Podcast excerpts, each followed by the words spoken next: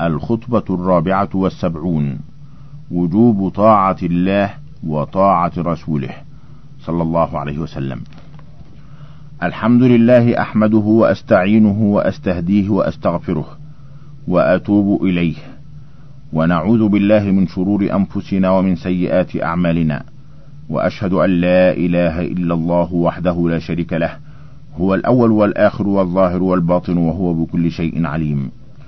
وأشهد أن نبينا محمدا عبد الله ورسوله. بعثه الله بالحق إلى الناس كافة. فبلغ الرسالة وبشر وأنذر وكان رحمة للعالمين. صلى الله وسلم وبارك عليه وعلى آله وصحابته الذين آمنوا وعملوا بالإسلام ودعوا إلى الله على بصيرة. أما بعد فقد قال الله تبارك وتعالى ولتكن منكم أمة يدعون إلى الخير ويأمرون بالمعروف وينهون عن المنكر وأولئك هم المفلحون. عباد الله الإيمان بهذا الدين أولا ثم العمل به والتزام أحكامه إذ لا بد للمسلم من هذه الأمور. وبها يكون صادقا في إيمانه مخلصا في عمله. يرجو ثواب الله ويخاف عقابه. فتقوى الله ومراقبته واجب إسلامي في جميع الأقوال والأعمال في شرعه وأحكامه وحدوده. قلبه مع ربه يعبده وحده لا شريك له يعمل بهدي رسوله محمد صلى الله عليه وسلم. يكفر بالطاغوت والهوى يحذر الشيطان ووساوسه وسبله الضالة المهلكة. يعمل للإسلام وبالإسلام ولا شيء غير ذلك. فاتق الله يا عبد الله حيثما كنت. وأتبع السيئة الحسنة تمحها وخالق الناس بخلق حسن.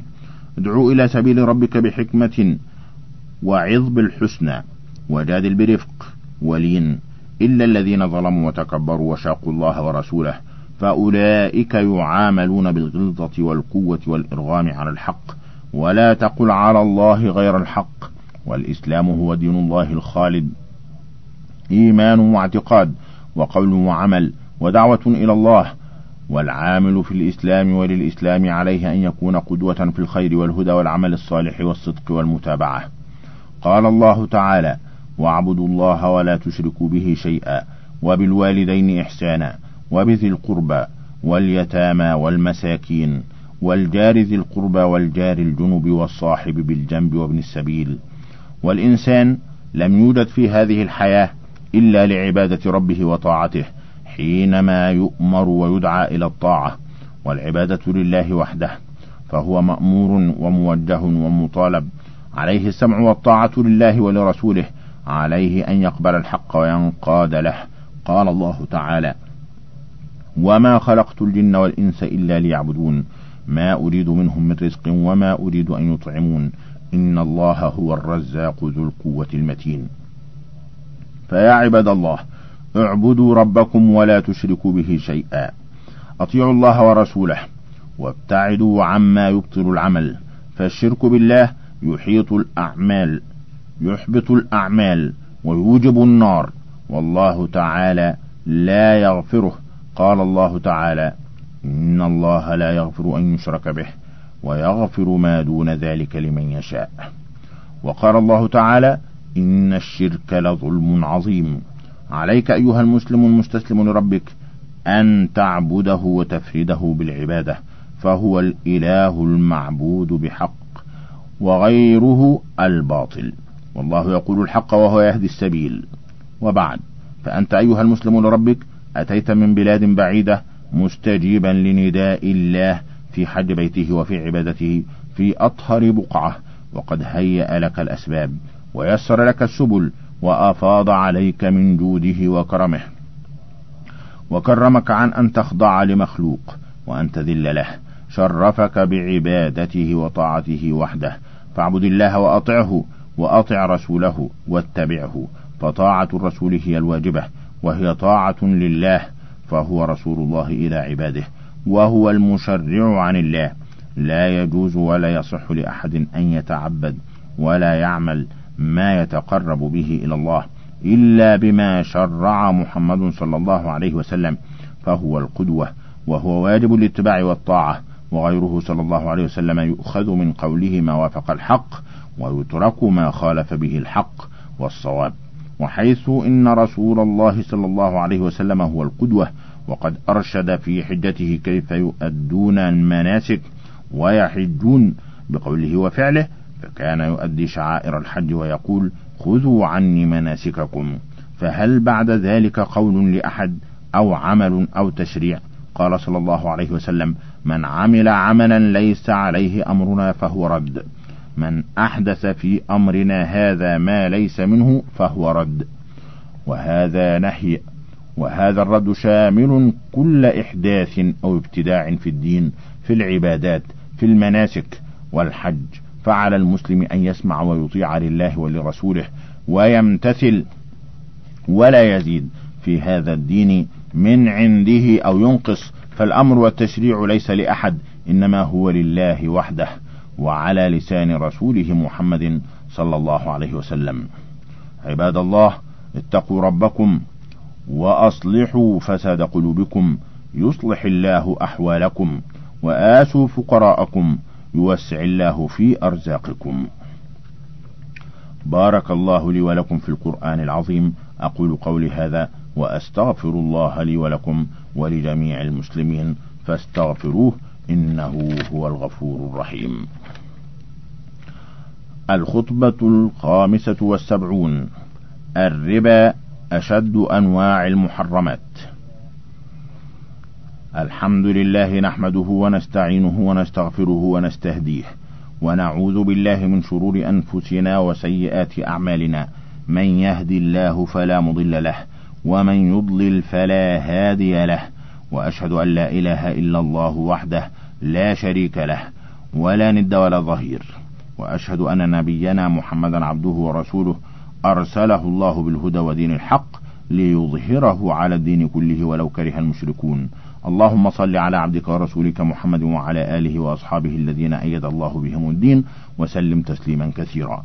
أما بعد فقد قال الله تعالى الذين يأكلون الربا لا يقومون إلا كما يقوم الذي يتخبطه الشيطان من المس. ذلك بأنهم قالوا إنما البيع مثل الربا وأحل الله البيع وحرم الربا. فمن جاءه موعظة من ربه فانتهى فله ما سلف وأمره إلى الله. ومن عاد فأولئك أصحاب النار هم فيها خالدون. يمحق الله الربا ويربي الصدقات والله لا يحب كل كفار أثيم.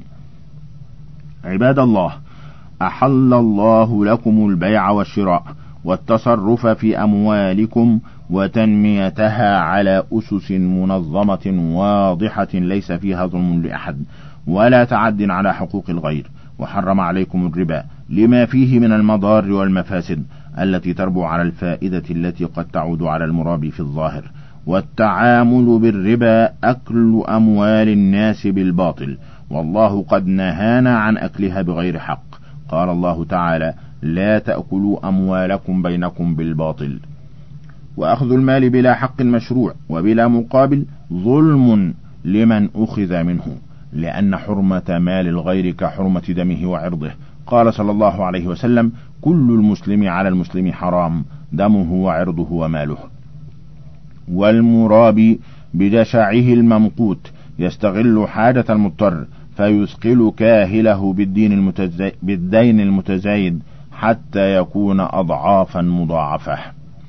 وقد أمر الله بإنظار المعسر إلى اليسر كما أمر بالتوسعة والتصدق عليه. قال الله تعالى وإن كان ذو عسرة فنظرة إلى ميسرة. وأن تصدقوا خير لكم إن كنتم تعلمون. فالربا ينزع البركة من المال الذي يدخل فيه. ومتعاطي الربا محارب لله ورسوله. ومتعرض لسخط الله ومقته. قال تعالى يا أيها الذين آمنوا اتقوا الله وذروا ما بقي من الربا إن كنتم مؤمنين. فإن لم تفعلوا فأذنوا بحرب من الله ورسوله وإن تبتم فلكم رؤوس أموالكم لا تظلمون ولا تظلمون. فالمؤمن الناصح لنفسه لا يرضى أن يكون حربا لله ولرسوله لأن عاقبته الخسران والخذلان. وقد لعن رسول الله صلى الله عليه وسلم آكل الربا وموكله وكاتبه وشاهديه وقال هم سواء. وأخبر صلى الله عليه وسلم أنه يأتي على الناس زمان لا يبالي المرء بما أخذ المال بحلال أم حرام. وآكل الربا يقوم يوم القيامة من قبره كالمصروع حال صرعه وتخبط الشيطان له بسبب تعاطيه الربا والإصرار عليه. وكان الربا في الجاهلية أن الرجل يكون له على الرجل مال مؤجل فإذا حل قال له أتقضي الدين أم تربي فإن أوفاه وإلا زاد هذا في الأجل وزاد هذا في المال فيتضاعف المال على المدين من غير فائدة تحصل له وقد جاء الإسلام بتحريمه وبالإنظار إلى ميسرة وهذا النوع من أشد أنواع الربا وأفحشها.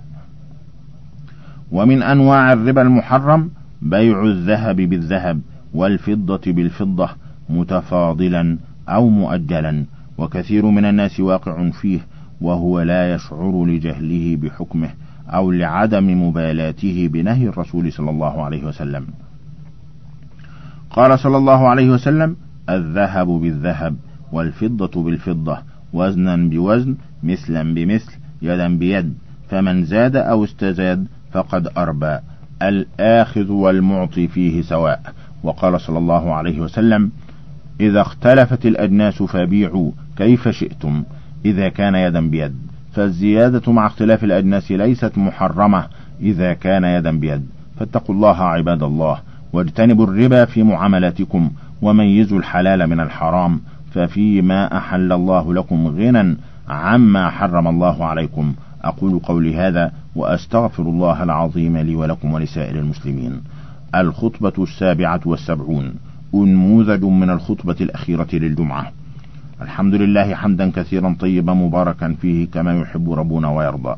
وأشهد أن لا إله إلا الله وحده لا شريك له وأشهد أن نبينا محمدا عبده ورسوله. اللهم صل على عبدك ورسولك محمد وعلى آله وأصحابه وسلم تسليما كثيرا. أما بعد فيا أيها الناس اتقوا الله حق تقاته ولا تموتن إلا وأنتم مسلمون. واعتصموا بحبل الله جميعا ولا تفرقوا. إن أحسن الحديث كتاب الله. وخير الهدى هدي محمد صلى الله عليه وسلم. وشر الأمور محدثاتها. وكل بدعة ضلالة. وعليكم بالجماعة. فإن يد الله مع الجماعة. ومن شذ شذ في النار. إن الله وملائكته يصلون على النبي. يا أيها الذين آمنوا صلوا عليه وسلموا تسليما. اللهم صل وسلم وبارك على عبدك ورسولك محمد وارض اللهم عن الأربعة الخلفاء الراشدين وعن آله وأصحابه أجمعين وعن التابعين وتابعيهم بإحسان إلى يوم الدين وعنا معهم بعفوك وإحسانك يا أرحم الراحمين اللهم أعز الإسلام والمسلمين وأذل الشرك والمشركين ودمر أعداء الدين واجعل هذا البلد آمنا مطمئنا وسائر بلاد المسلمين يا رب العالمين. ربنا آتنا في الدنيا حسنة وفي الآخرة حسنة وقنا عذاب النار. عباد الله إن الله يأمر بالعدل والإحسان وإيتاء ذي القربى وينهى عن الفحشاء والمنكر والبغي يعظكم لعلكم تذكرون. وأوفوا بعهد الله إذا عاهدتم ولا تنقضوا الأيمان بعد توكيدها. وقد جعلتم الله عليكم كفيلا إن الله يعلم ما تفعلون. فاذكروا الله العظيم يذكركم واشكروه على نعمه يزدكم والله يعلم ما تصنعون. الخطبة السادسة والسبعون الحث على الاجتماع على الحق. الحمد لله الذي له ما في السماوات وما في الأرض وله الحمد في الآخرة وهو الحكيم الخبير. يعلم ما يلج في الأرض وما يخرج منها وما ينزل من السماء وما يعرج فيها وهو الرحيم الغفور. أحمده سبحانه وأشكره وأشهد أن لا إله إلا الله وحده لا شريك له وأشهد أن نبينا محمدا عبده ورسوله. أرسله الله لهداية الخلق فبلغ وبشر وأنذر فلا خير إلا دل أمته عليه. ولا شر إلا حذرها منه.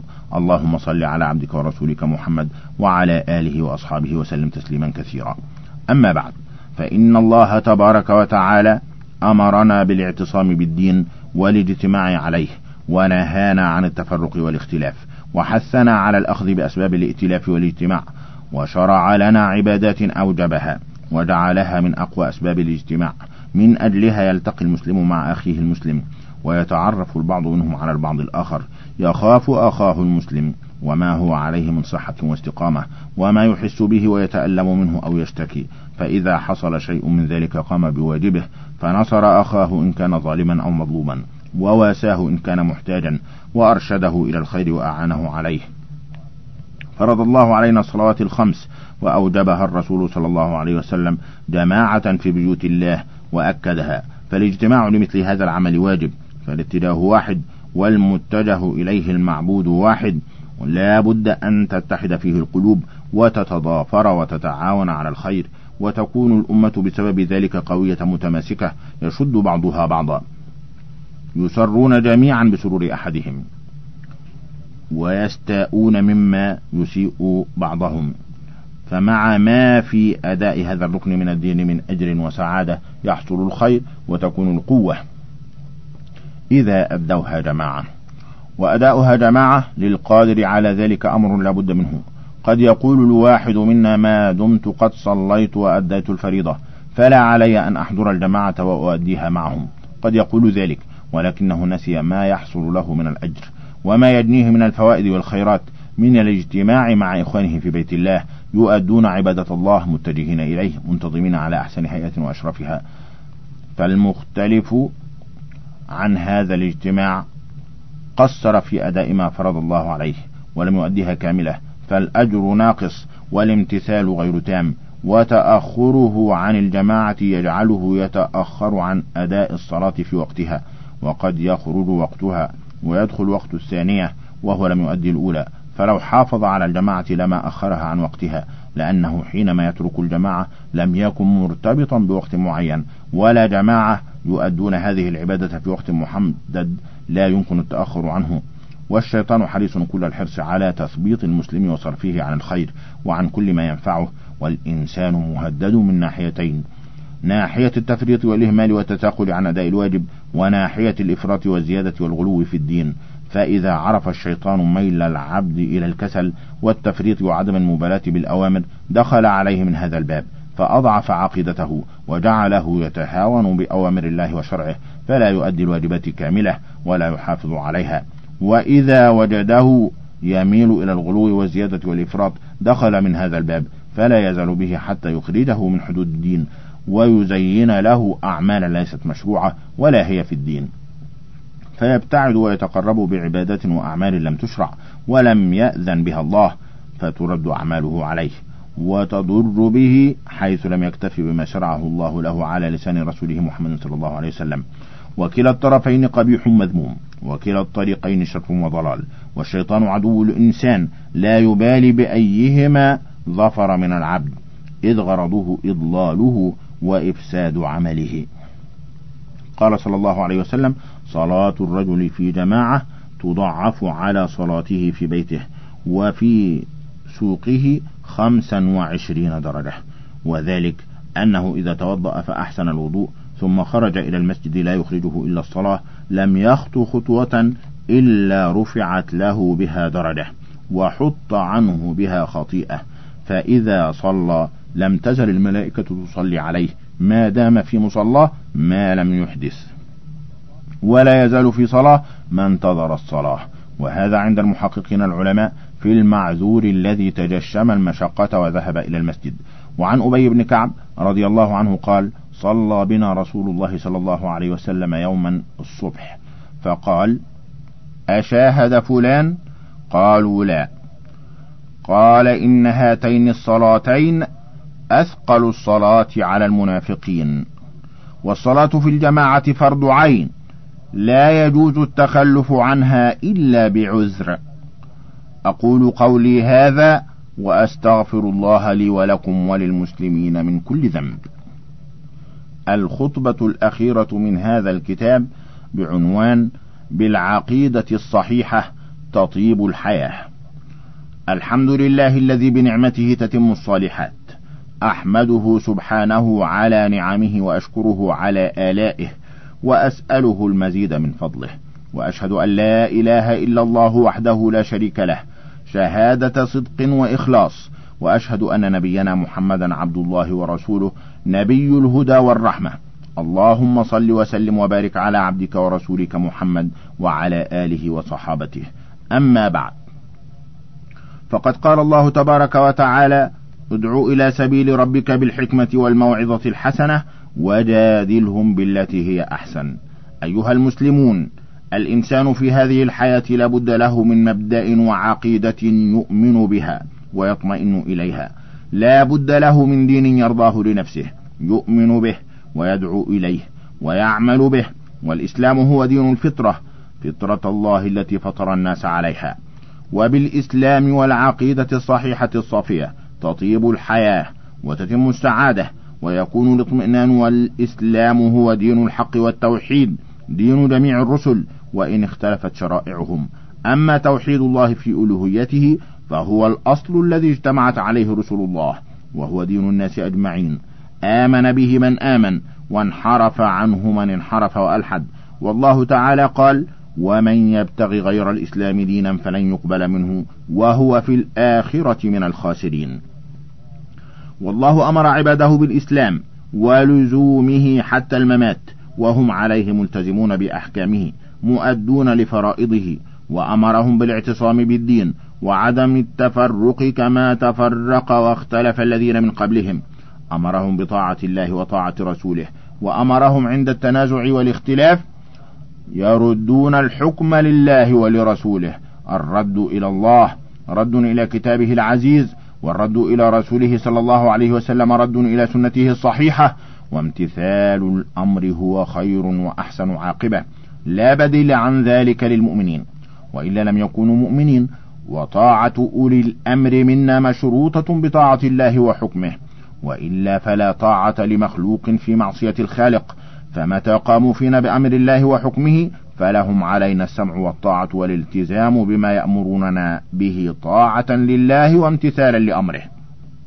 عباد الله أيها المسلمون أمركم الله بالاجتماع على الإسلام والخير ونهاكم عن التفرق والاختلاف وسماكم المسلمين فطاعة الله وعبادته وحده لا شريك له والاجتماع على الحق والدين واجب في الإسلام وعلماء الإسلام المخلصون هم ورثة الأنبياء وأولياء المسلمين هم المطاعون في طاعة الله يحيون سنة رسول الله صلى الله عليه وسلم ويعلمونها الناس هم الذين عناهم الله بقوله وأولي الأمر منكم. أيها المسلمون أطيعوا الله ورسوله وتعاونوا على البر والتقوى وارتبطوا برباط التوحيد والعمل الصالح ونظرة لما كان عليه سلف هذه الأمة الصالح من فهم لهذا الدين وإيمان به وصلاح وقوة في الحق وتعاون ونصر لهم ولدينهم يتضح الفرق بيننا وبينهم. لماذا لا نتأسى بهم في تقواهم وصلاحهم وجهادهم؟ لماذا لا نؤمن إيمانهم؟ ونفهم الإسلام فهمهم في الدين والسمات والخلق. نطبق الإسلام قولا وعملا والتزاما حتى نمنح القوة والعزة والسلطان. فالعزة لله ولرسوله وللمؤمنين. أعداد كثيرة من المنتسبين إلى الإسلام لم يبلغوا فيما مضى أقل نسبة لكثرتهم اليوم. لكنهم لم يفعلوا ولم يقوموا بشيء للإسلام ولا لأنفسهم وإنما ذلوا وتخاذلوا وتسلط عليهم الأعداء وأهينوا ولو تمسكوا بالإسلام وقبلوه وعملوا به لأكرمهم الله. ما أصابك من حسنة فمن الله وما أصابك من سيئة فمن نفسك. وحتى وقتنا هذا لم يعرفوا السبب ولم يدركوا العلة في هذا الذل والخذلان. يدعون الإسلام والعمل به ويطلبون النصر فلا ينتصرون ولا يعانون. أيها المسلمون لو تأملنا قليلا لظهر لنا أنهم ابتعدوا عن الإسلام وزهدوا فيه عقيدة وأخلاقا والتزاما وتفرقوا شيعا وأحزابا زاغ من زاغ عن الحق وألحد وانحرف عن الدين والأخلاق الإسلامية فلا فرائض تؤدى من الكثير ولا حدود يوقف عندها ولا رادع ولا زاجر من إيمان وتقوى إلا من رحم ربك. أخلد الكثير إلى الأرض واتبعوا الهوى من الناس من يريد الخير والهدى لكنهم فقدوا القدوة الحسنة. وسلكوا الطريق المعوجة ففسدت العبادات والأعمال حيث اعتمدوا على غير الله. طلبوا العون والهدى من غير خالقهم ومربيهم بنعمه. أذلوا أنفسهم ورقابهم لغير خالقهم أما من هداه الله إلى الحق وأنار بصيرته فهو المؤمن بالله وبرسوله المتبع لهداه الواقف عند حدود الله في عبادته المؤمن بما أنزل على رسول الله محمد صلى الله عليه وسلم الملتزم أمر الله وطاعته فأمثال هؤلاء آمنوا وعملوا الصالحات وتواصوا بالحق وتواصوا بالصبر. هؤلاء هم القدوة الصالحة وهم الأمة. إن إبراهيم كان أمة. عباد الله توبوا إلى بارئكم واستمسكوا بإسلامكم الذي ارتضاه الله لكم وأكمله وأتم عليكم به النعمة. اليوم أكملت لكم دينكم وأتممت عليكم نعمتي ورضيت لكم الإسلام دينا. كيف يرغب الناصح لنفسه عن الإسلام؟ ويكتفي منه بالاسم والمظهر. يحارب ربه في توحيده وفي عبادته وحدوده وأحكامه. كيف يستبدل الهدى بالضلال والسعادة بالشقاء؟ اتق الله أيها المسلم في أوامر الله وفي نواهيه. مطلوب منك أن تؤدي ما فرض الله عليك من عبادة وتوحيد وصلاة وصوم وزكاة وتقوى. وادع ربك وحده وأنب إليه واسأله المغفرة والهداية والتوفيق. بارك الله لي ولكم في القرآن العظيم ونفعني وإياكم بما فيه من الآيات والذكر الحكيم. أقول قولي هذا وأستغفر الله العظيم لي ولكم ولسائر المسلمين من كل ذنب فاستغفروه إنه هو الغفور الرحيم. انتهى كتاب من أحاديث المنبر. تأليف الشيخ عبد العزيز ابن عبد الله ابن حسن آل الشيخ. إمام وخطيب الحرم المكي. قرأه عليكم محمد عبد العاطي عبد اللطيف. انتهت هذه المادة ولكم تحيات إخوانكم في شبكة الألوف. والسلام عليكم ورحمة الله وبركاته.